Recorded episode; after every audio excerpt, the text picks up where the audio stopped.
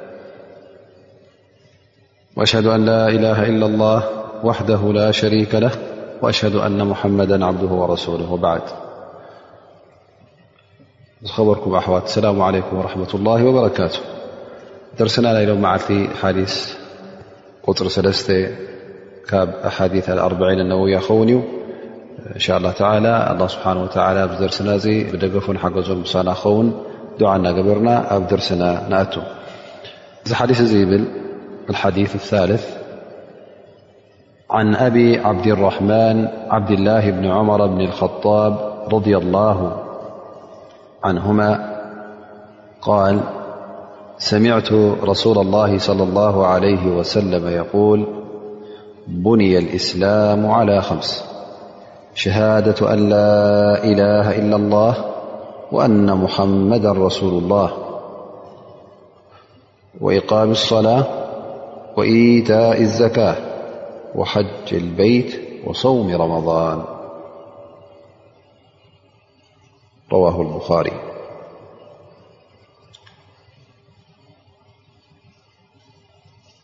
እዚ ሓዲስ እዚ ብሕፅር ዝበለ ትርጉሙ ዓብዱላ ብኒ ዑመር ይብል ካብ ነቢና ሙሓመድ صለ ላه ለ ሰለም እዚ ክብሉ ሰሚዐ እስልምና ኣብ ሓሙሽተ ነገራት እዩ ተሃኒፁ ሸሃደት ኣን ላኢላሃ ኢላ ላህ ወኣና ሙሓመዳ ረሱሉ ላህ ማለት ኣላ ስብሓን ወተላ ንሱ ጥራይ ኣምልኾት ንክወሃብ ብሓቂ ዝግብኦ ከም ምዃኑ ምምስካር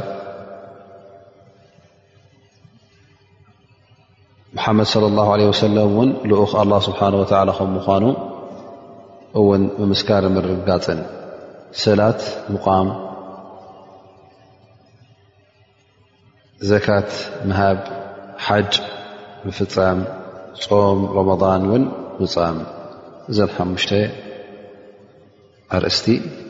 ወይ ከዓ እዘን ሓሙሽተ ቀንድታት እሰን ናይ እስልምና መሰረት ከም ምዃነን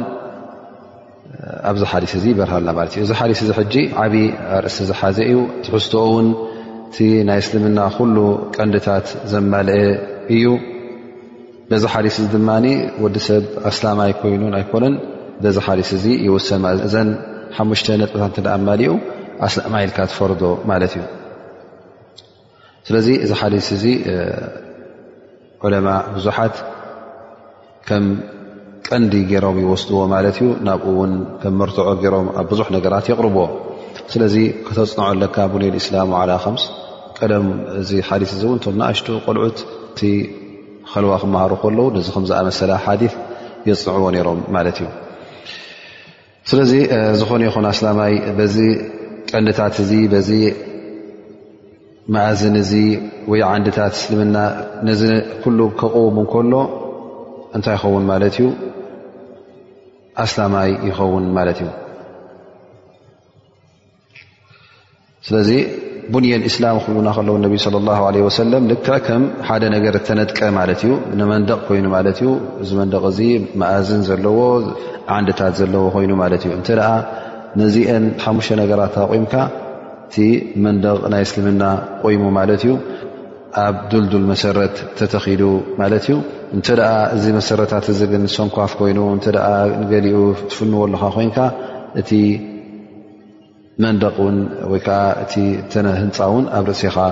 ክወድቕ ማለት እዩ እቲ ካልእ ነገራት ናይ እስልምና ቀንድታት ውን ማለት ዋጅባት ኣሎ ኣገዳሲ ዝኾነ ጉዳያት ኣሎ ግን ነቢ ስለ ላ ሰለም ኣይጠቐስዎን ምኽንያቱ እዘን ሓሙሽተ ነጥብታት እዚአን እሰንተን ኣገደስቲ ስለ ዝኾና ቀንድታት ሰን ስለ ዝኾና እቲ ካልእ እውን ኣገዳሲ ኣይኮነን ማለት ኣይኮነን ግን እዚአን ዓበይቲ ነገራት እየን ክንግደሰለን እውን ኣለና ማለት እዩ ብአኒና እውን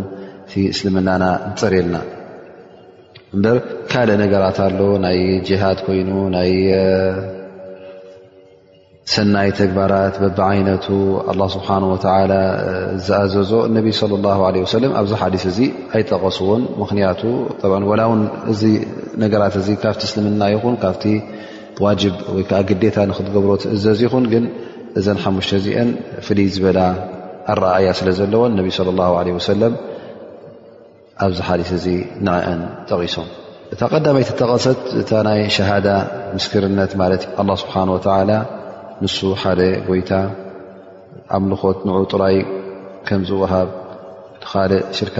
ንኸይትገብር ምምስካር ኢልና ማለት እዩ እዚ ሕጂ ትሽሃድት ኣን ላኢላ ኢለ ላ ምስ እውን ኣጣሚርካ ሙሓመድ ረሱሉ ላ ነቢ ሙሓመድ ለ ላ ለ ሰለም ልኡኽ ኣላ ከም ምዃኑ ክትምስክር ማለት እዩ እዚኣ እያ ድማ እታ ቐንዲ መጀመርያ ብ እስልምና ተእትወካ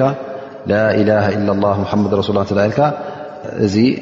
እንታይ ይኸውን ማለት እዩ ናብ እስልምና ናብቲ እምነት ዘእትወካ ማለት እዩ ግዴታ እዛ ሸሃዳ እዚኣ እውን ትርጉማ ክትፈልጣ ኣለካ ምኽንያቱ ላኢላሃ ኢላ ላ ሙሓመድ ረሱላ ክትብል ከለኻ ሱቕ ኢልካ ኣይኮነን ናይ ዘረባ ቃል ኣይኮነን እንታይ ደኣ ብኣ ክትኣምን ከለኻ እንታይ ከም ምዃና ብልብኻ ብመልሓስካን ብተግባርካን ክትርእያ ኣለካ ማለት እዩ እና ኣላ ስብሓን ወተላ ንነቢና ሓመድ ስ ሰለም ፍቕሪ ዝመልኦ እምነት ክህልወካ ኣለዎ እቶም ነዛ ቃል እዚኣ ዝፀልኡ እውን ክትፀልኦም ኣለካ ማለት እዩ ምክንያቱ ኣንፃር እዛ ቃል እዚኣ ዝኾነ ኣንፃርካ ስለ ዝኾነ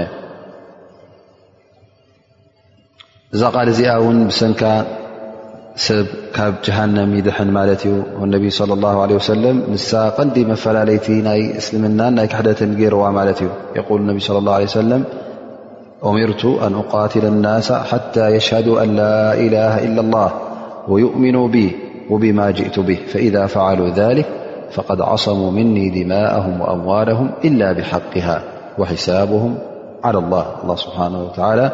እሱ ዩ ዝሓስቦ ብድሕሪኡ እንተ እዛ ቃል እዚኣ እቲ ዝግባእ ናታ ውን ኣማሊኡ ዝኾነ ሰብ ኣብ እስልምና ኣት ማለት እዩ ገንዘቡን ነፍሱ እውን ሕል ማለት እዩ ስለዚ ፀላኢ ተፃባኢ ናይ እስልምና ኣይቁፀርን እዩ እንታይ ደኣ ሙእሚን ኣማኒ እዩ ዝቁፀር ማለት እዩ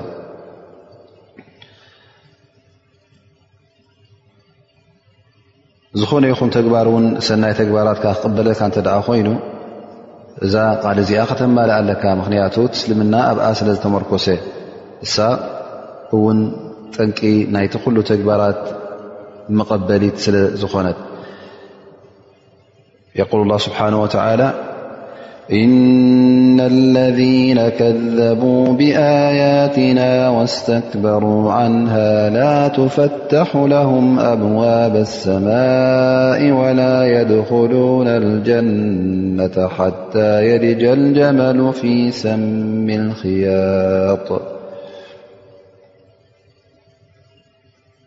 እዘን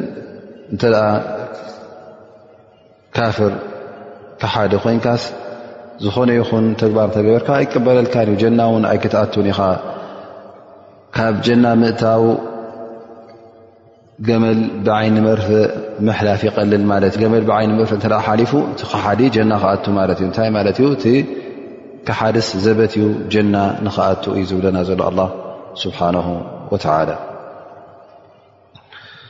ስለዚ ነዛ ቃል እዚኣ ከነማልእ ኣለና ኣላ ስብሓን ወተላ ሓደ ከም ምኳኑ ኣሚንና ኩሎም ካልኦት ከም ጎይቶት ጌርካ ኣምልኾ ዝወሃቡ ዘለዉ ናይ ኮንቱ ጎይቶት ከም ምኳኖም ክንርዳእ ኣለና ማለት እዩ ሙሓመድ ለ ላ ለ ወሰለም እውን ልኡኽ ጎይታ ኮይኑ ከንፈትዎን ከነፍቅሮን ኣለና ዝኣዘዘና እውን ክምእዘዝ ዝነገረና እውን ክንኣምን ቃሉ ገዲፍና ድማ ባዕልና ሓድሽ ሕደሳ ኣብቲ ዲን ከነእቱ የብልና እንታይ ደኣ ንዕኡ ክንክተል ይግብኣና ማለት እዩ ካልይቲ ነጥበ ተጠቂሳ ዘላ ኣብዚ ሓዲስ እዚ ጉዳይ ናይ ሰላት ይኸውን ማለት እዩ ምክንያቱ ሰላት ካልይቲ መእዝን ናይ እስልምና እያ እሳ እውን ርክብ ኣብ መንጎ ባርያን ኣብ መንጎ ኣላህን ዘላ ማለት እዩ ባርያ ኣላህን ኣላህን ርክቦም ብምንታይ በዛ ሰላት እዚኣ ስለዚ ከምቲ ግቡእ ጌርካ ክትስገድ ኣለዋ ወነቢ صለ ላ ለ ወሰለም የል ሰሉ ከማ ረኣይቱሙኒ እሰሊ ከምቲ ኣነ ገይረ ዝሰግዶ ዝረኣኹምኒ ከምኡ ጌርኩም ስገዱ ኢሎምና እዮም ስለዚ እሶም ትገባባርኦምና እዮም እታ ሰላት ድማ ከምታ ነቢና ሓመድ ስ ሰለም ገይሮም ዝሰግድዋ ዝነበሩ ክንሰግድ ኣለና ማለት እዩ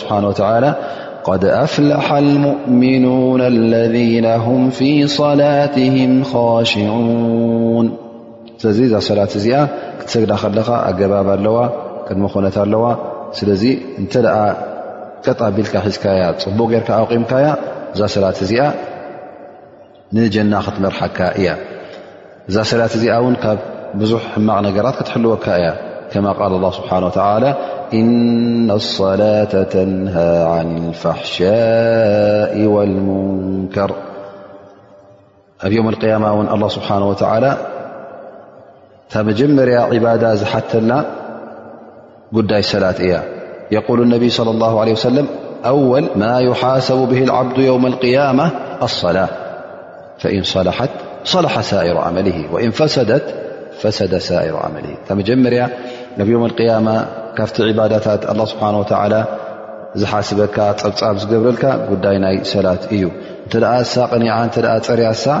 ካልእ ስራሓትካ ኩሉ ክፀሪ እዩ ስለዚ እዛ ሰላት እዚኣ ኣገዳሲት እያ እንተ ደኣ ሰላት ገዲፍካ ድማ እዚ ዓብዪ ገበን ይኸውን ማለት እዩ እቲ ጠንቂ ናይ ምግዳፍካ ድማ እንተ ነዛ ሰላት እዚኣ ዘይተኣምነላ ኮይንካ ነፅግካ እተ ኮይንካ ኩሎም ዕለማ እዚ ክሕደት ይብሉ ማለት እዩ ማለት እንካር እተ ጌርካ ሰላት ኣየድልን ኢልካ እተ ገዲፍካ ንስኻ ሕጂ ካሒድካ ማለት እዩ ኩሎም ዕለማ ከምዚ ካሓትካ ይሰማምዑሉ እዮም ላኪን እንተ እቲ ጠንቂ ናይ ምግዳፍካ ከሰል ኮይኑ ማለት ኣይከሓትካያን ክትገብራ ደሊኻ ግን ሓንሳ ደኺመ ሓንሳ ሓሚመ ሓንሳ ዶ እንታይ እናበልካ ዘይከውን ምክኒት እናቕረብካ ክትገድፋ ከለኻ ኣብዚ ሕጂ ገለ ዑለማ እብሉ ወይ ከዓ ካብቶም ኣስሓብ ነቢ ለ ላ ለ ወሰለም እውን እዚ እውን ክሕደት እዩ ዝበሎ ከም በዓል ዑምር ጣብ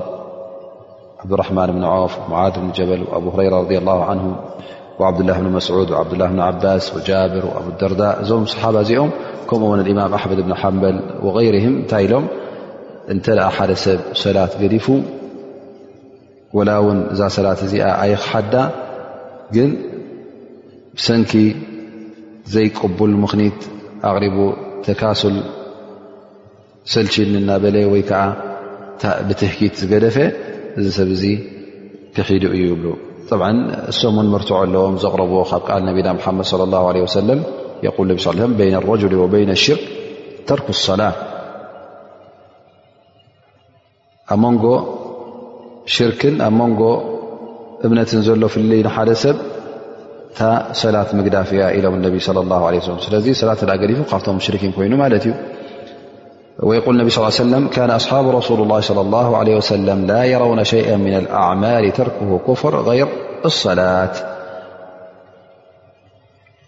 ይብሉ እውን እኖ ኣስሓብ ነቢ صለ ላه ለ ወሰለም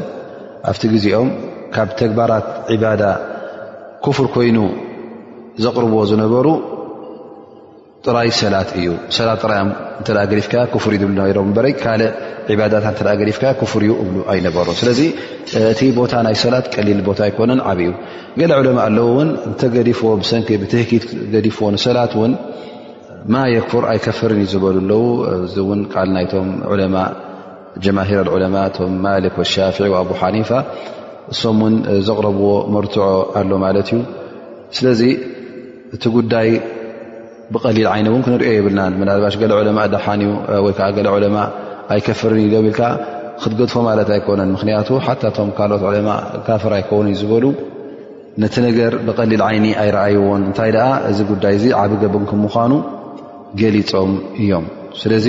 እቲ ጉዳይ ኩላህና ክንግደሰሉ ኣለና ከነቃልሎ የብልናን እስኻ እንተ ኣብ መንጎ ክሕደትን ጥቓ ክሕደትን እተ ክትከውን ኮንካ ካብ ኩሉስ ነፃ ክትወፅእ ምእንቲ ነዛ ሰላት እዚኣ ፈፂምካ ክግድፋ የብልካን ክቡር ሓወይ እስልምናኻ ምእንቲ ክሕለወልካ ስለምንታይ ኣብ ኣስጋኢ ኩነት ትነብር ስለዚ ተጠንቀቕ እዛ ሰላት እዚኣ ቀንዲ ናይቲ ሃይማኖትካ ስለዝኾነት እሳ ውን ኣብ መንጎ ክሕደትን ኣብ መንጎ እምነትን ትፈላሊ ስለዝኾነት ክንግደሰላ ይግብኣና ማለት እዩ እታ ሸሃደት ኣላ ኢላ ለ ላ ኣና ሙሓመድ ረሱሉ ላ ኣቂምና እታ ሰላትና እውን ኩሉ ግዜ ከይደኸምና ከይሰነፍና ከይተሃከና ቀጥ ኣቢልና ክንሕዝ ኣለና ኩሉ ፈረድታትና ክንከትት ኣለና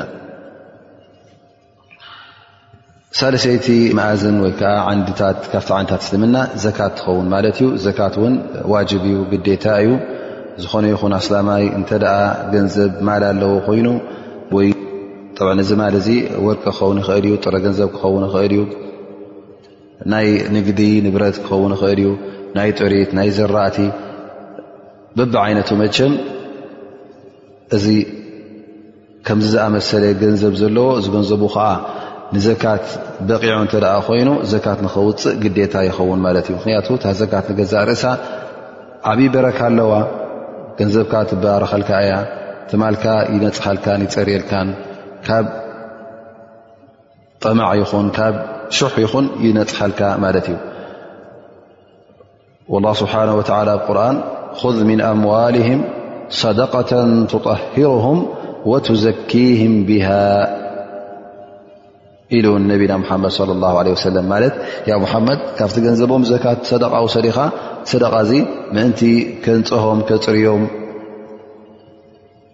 ትገንዘቦም ይኹን ትልቦም ይኹን እውን ክፀርየሎምን ክነፅሃሎምን ኢሉ ኣላ ስብሓንሁ ወተዓላ ስለዚ ዘካት ሓደ ካፍቲ ግዴታ ዝኾነ ሓደ ካፍቲ መእዝን እስልምና እዩ ተገዲስና እውን ክንፍፅሞ ኣለና ማለት እዩ ገንዘብ እኹል ገንዘብ ናይ ዘካት ዝኣክል እተ ኣለካ ኮይኑ ጠብ ነናት ኣለዎ ናይ ጥረ ገንዘብ ክንደይ ከምዝኾነ ናይ ወርቂ 85 ክሳዕ ት ግራም እተ ኣለካ ኮይኑ ከምኡ ጥረ ገንዘብ ንከም ዝኣክል እተ ኣለካ ኮይኑ ክትወፅእ ኣለካ ማለት እዩ ናይ ጥሪት ኣሎ ናይ ኣግማል ናይ ጠለበጊዕ ናይ ከብቲ ከምኡ ውን ናይ ዘራእቲ እተ ብማይ ዝናም ዝበቁል እተ ኮይኑ እተ ብማይን ብባዕልኻን ተስትዮ እተ ኮይንካ ኩሉ ነናት ኣለዎ ኣብ ፍቕህ ነዚ ነገር እዚ እውን ብዝያዳ ይበርህ እዩ እዛ ዘካት እዚኣ እውን ነቢና ሓመድ صለ ላ ለ ወሰለም ኣብዚ ሓዲስ እዚ ክጠቕስዋ ከለዉ ቅድሚኡ እውን ኣብ ቁርን እተ ርእና እቲ ናታ ብልፀት ብዙሕ እዩ ዘካት ንገዛ ርእሱ ሓደ ካብቲ ናይ ራሕመት ላ ስብሓ ርራይ ኣላ ስብሓ ንክወርድ ጠንቂ ዝኸውን እዩ የቁል ስብሓ ወላ ወልሙእሚኑና ወልሙእሚናት ባዕም ኣውልያኡ ባዕ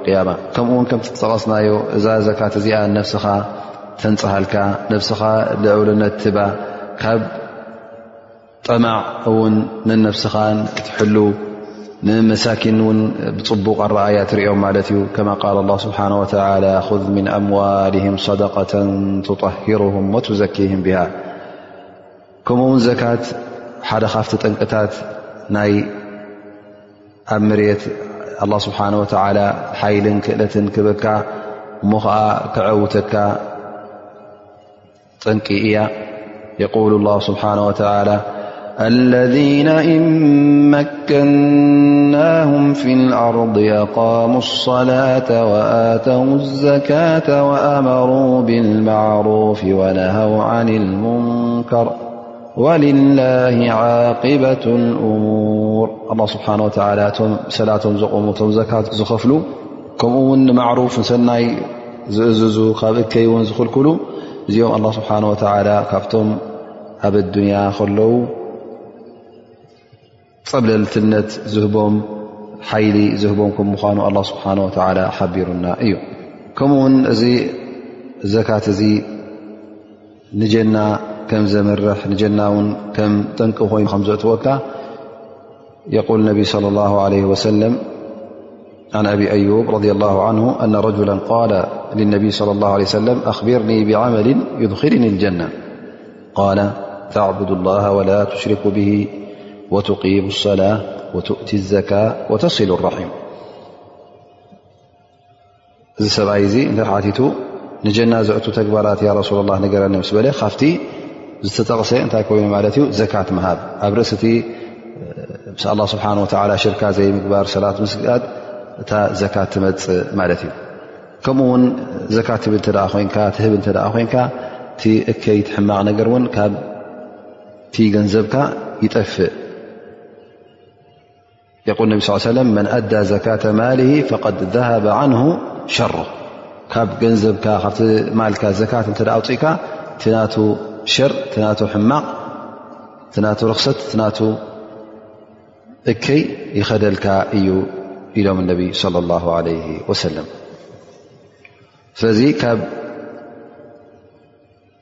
ዘካት ዘይምሃብ ምጥንቃቕ ኣድላይ እዩ እተ ዘካት ዘይትህብ ኮይንካ ውን ኣ ስብሓ ወላ ኣጠንቂቑና እዩ እዚ ዘካት ዘይምሃብ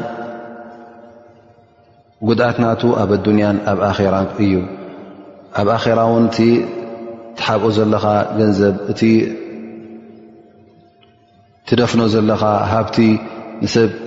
ከይሃብካ ዘካት ከይውፃእካ እሞ ከዓ እቲ ወርቅን እቲ ንብረትን ትሓብኦ ዘለኻ ኣብ ዮም ቅያማ ንዓኻ መቃፀሊ ከም ዝኸውን ውን ኣላ ስብሓን ወላ ኣጠንቂቑ እዩ የቁል ስብሓን ወላ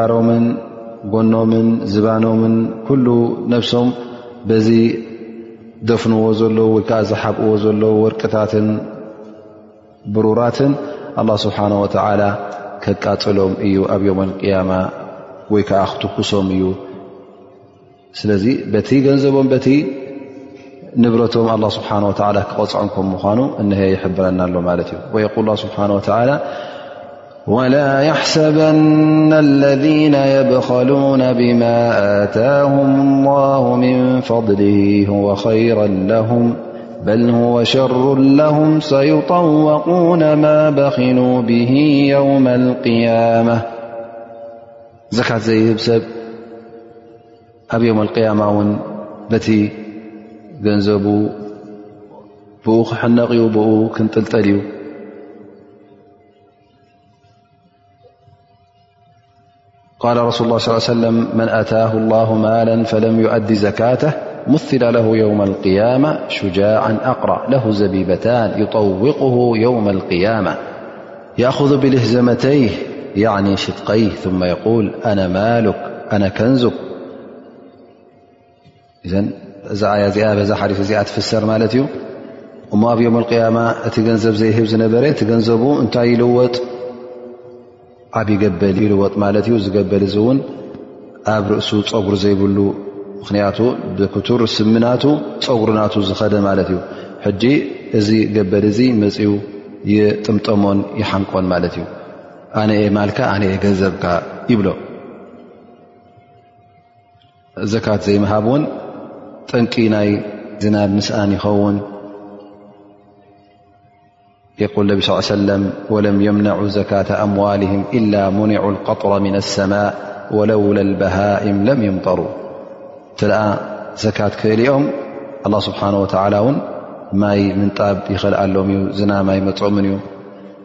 እንስሳታት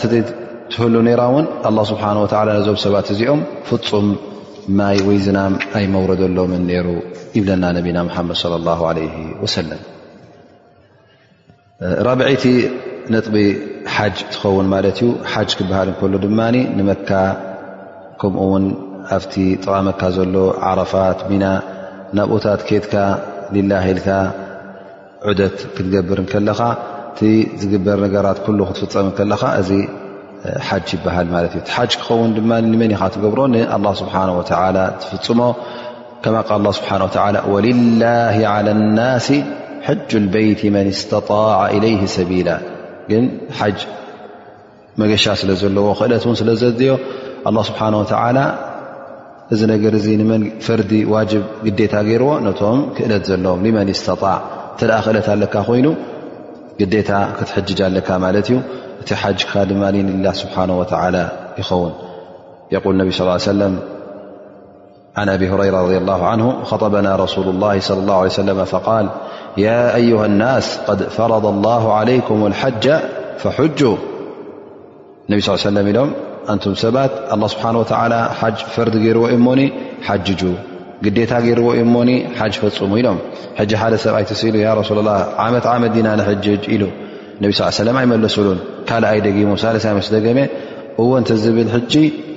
ግዴታ ምኾነትኩም ነራ ስለዚ ብዙሕ ኣይትሕተቱ ኢሎም ነቢ ለ ላ ለ ሰለም ስለዚ እንተ ክእለት ኣለካ ኮይኑ ኣብ ጉልበትካን ኣብ ማልካን ጥዕናኻን ሲ ሓጅ ከተደንጉዮ የብልካን ቀልጢፍካ ሸዓ ንሸዓን ክትሕጅጅ ኣለካ ስለዚ ኣልሓጅ ዋጅቡን እንታይ የብሉ ዓለልፎር ሸዓ ንሸዓን እተ ክእለት ኣለካ ኮይኑ ከተደናጉ የብልካን ን ሓጭ ፈርዲ ስለ ዝኾነ ሓደ ካብቲ ናይ እስልምና መእዝን ዓንዲ እስልምናታት ስለ ዝኾነ ክትደናጉዮ የብልካን ብዝከኣለካ መጠን እንተ ክእለት ረኺብካ ናይ ማል ናይ ጥዕና ዘሸግረካ ነገር እንተ ዘየለ ኮይኑ ተጓይኻ ቀልጢፍካ ክትገብር ኣለካ ማለት እዩ ምክንያቱ ሓጅ ቀሊል ነገር ኣይኮነን ሓጅ ዓብይ ኣጅሪ ዘለዎ እዩ ካብቲ ብሉፅ ተግባራት እዩ ኣልሓጅ ኣፍደል ኣማል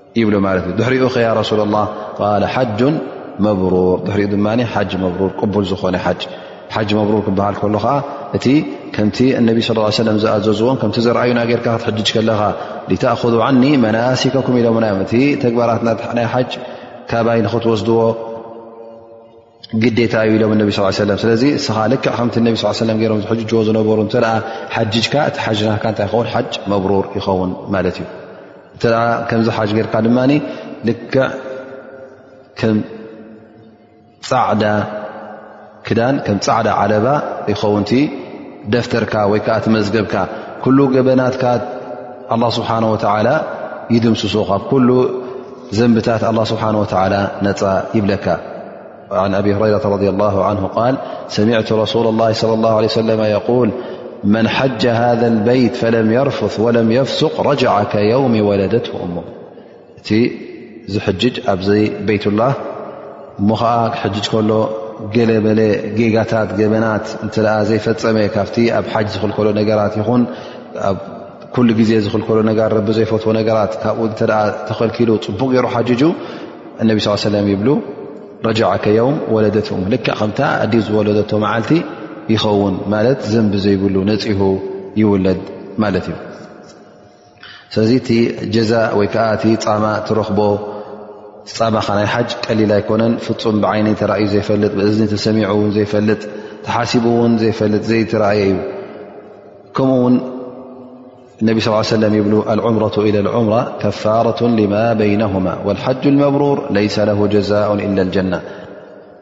ካብ ዑምራ ናብ ዑምራ ዘሎ ግዜ ዑምራ ጌርካ ዳሕራይ ዑምራ ክትገብር ከለኻ እቲ መንጎኡ ዘሎ ኣላ ስብሓን ወተላ ከፋራ እገብረልካ ማለት እዩ ይቕፍረልካ ሓጅ መብሩር እንተ ኮይኑ ሓጅናካ ድማ ከም ጉቡእ እንተ ሓጅካ ብጀካ ጀና ካልእ ፃማ የብሉን ኢሎም እነቢይ ለ ላ ለ ወሰለም እዚ ሓጅ እውን ዓእሻ ረ ላ ዓንሃ ነቢ ስ ሰለም ሓቲታቶም ያ ረሱላ ላ ንሕና ካብቲ ንሪኦ ዘናስ ጅሃድ ፊ ሰብልላ ምእንቲ እስልምና ኢልካ ነፍስኻ ከተልፍ ትንፋስካ ከተልፍ ካብቲ ዝበለፀ ተግባራት ኮይኑ ይረአ ኣሎ ሞ ምሳኹም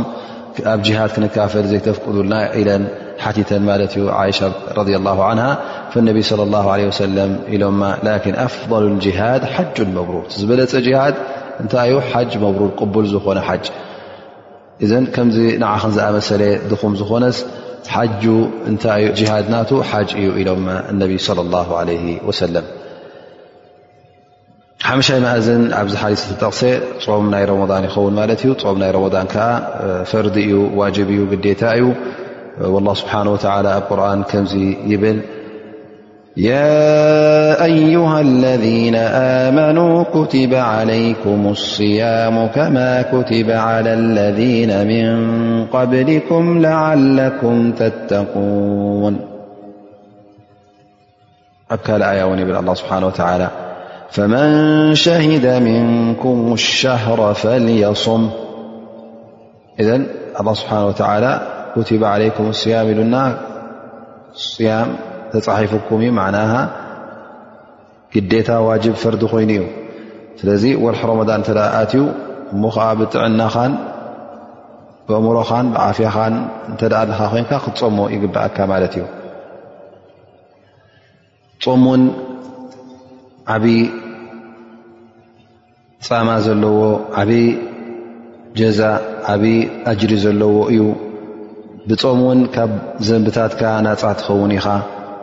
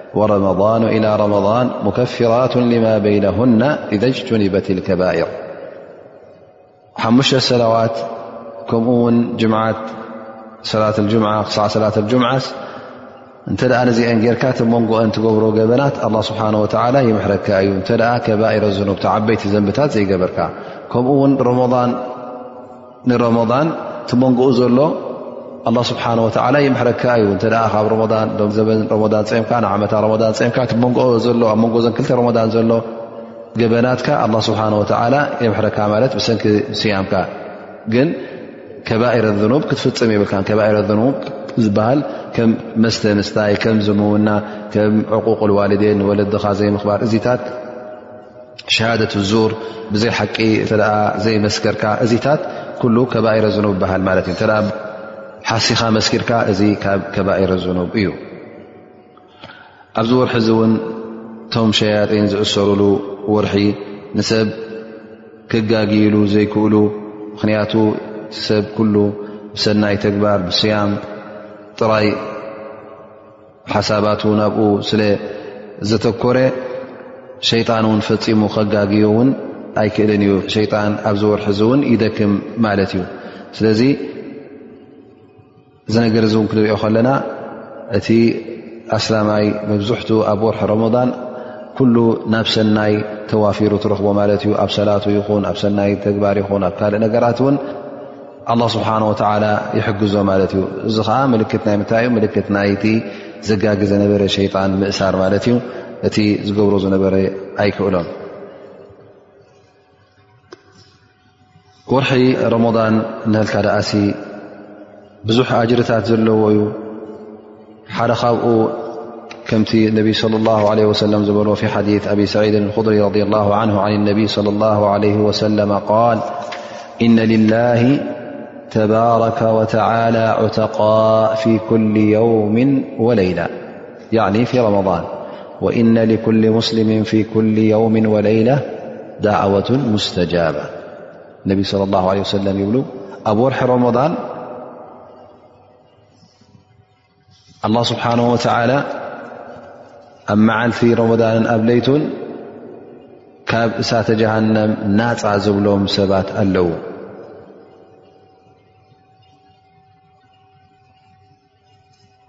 ኣብ ወርሒ ረመዳን እውን ዝኾነ ይኹን ኣስላማይ ኣብ መዓልቱን ኣብ ለይቱን ቅብልቲ ዝኾነት ድዓ ኣላቶ ኢሎም እነቢይ ለ ላ ለ ወሰለም እዘ እንታይ ዝርእየና ዘሎ ማለት እዩ እዚ ወርሒ ዚስ ዓብ ዕድል ከም ምዃኑ ኢና ንርኢ ዘለና ኣላ ስብሓን ወተዓላ ንገለ ባሮቱ ካብ እሳተ ጀሃንም ናፃ ዝብለሉ ኣብ ርእሲኡ ድማ ዝኾነ ይኹን ኣስላማይ ዱዓ እንተ ደኣ ገይሩ ድዓኡ ዝቕበለሉ ላቶ መዓልቲ ወይ ከዓ ብመዓልቲ ይኹም ብለይቲ ዱዓ ይቕበለሉ እሞዚ ዕድላት እዝስ ከመይ ገይሩ ይሓልፈና ክሓልፈና እበር የብሉን ክንጥቀመሉ ኣለና ዱዓ ከነዘውትር ኣለና ጾምና ክንገድፍ የብልናን እዚ ጾም እዚ ኣብ ርእሲ ሓደ መእዝን ወይ ከዓ ሓደ ዓንዲ ናይ እስልምና ክኸውን ከሎ ኣብ ርእሲኡ ግን ብቢ ዓይነቱ ኣጅርታት ብልፀታት ትረኽበሉ ኣለኻ ማለት እዩ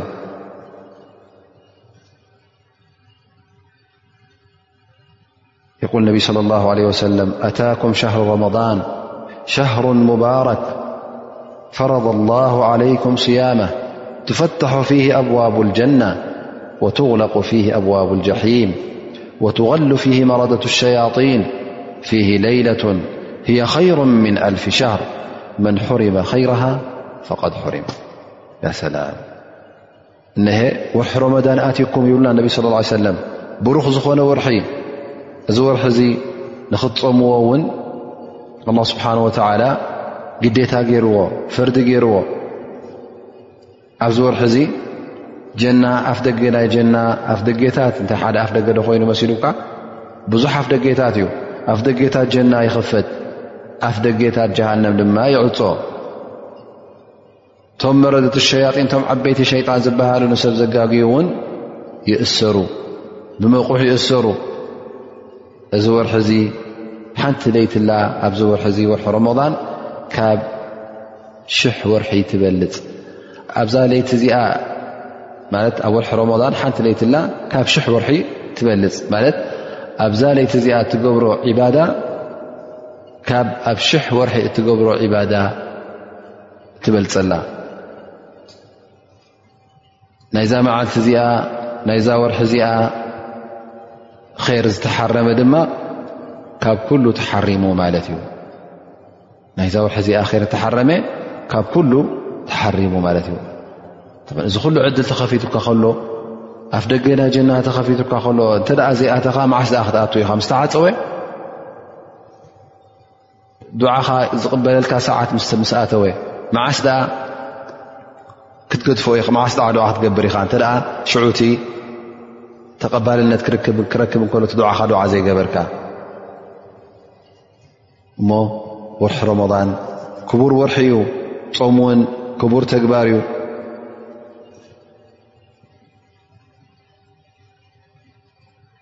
ፊ ሓዲስ ቁድሲ ኣላ ስብሓን ወተላ ይብል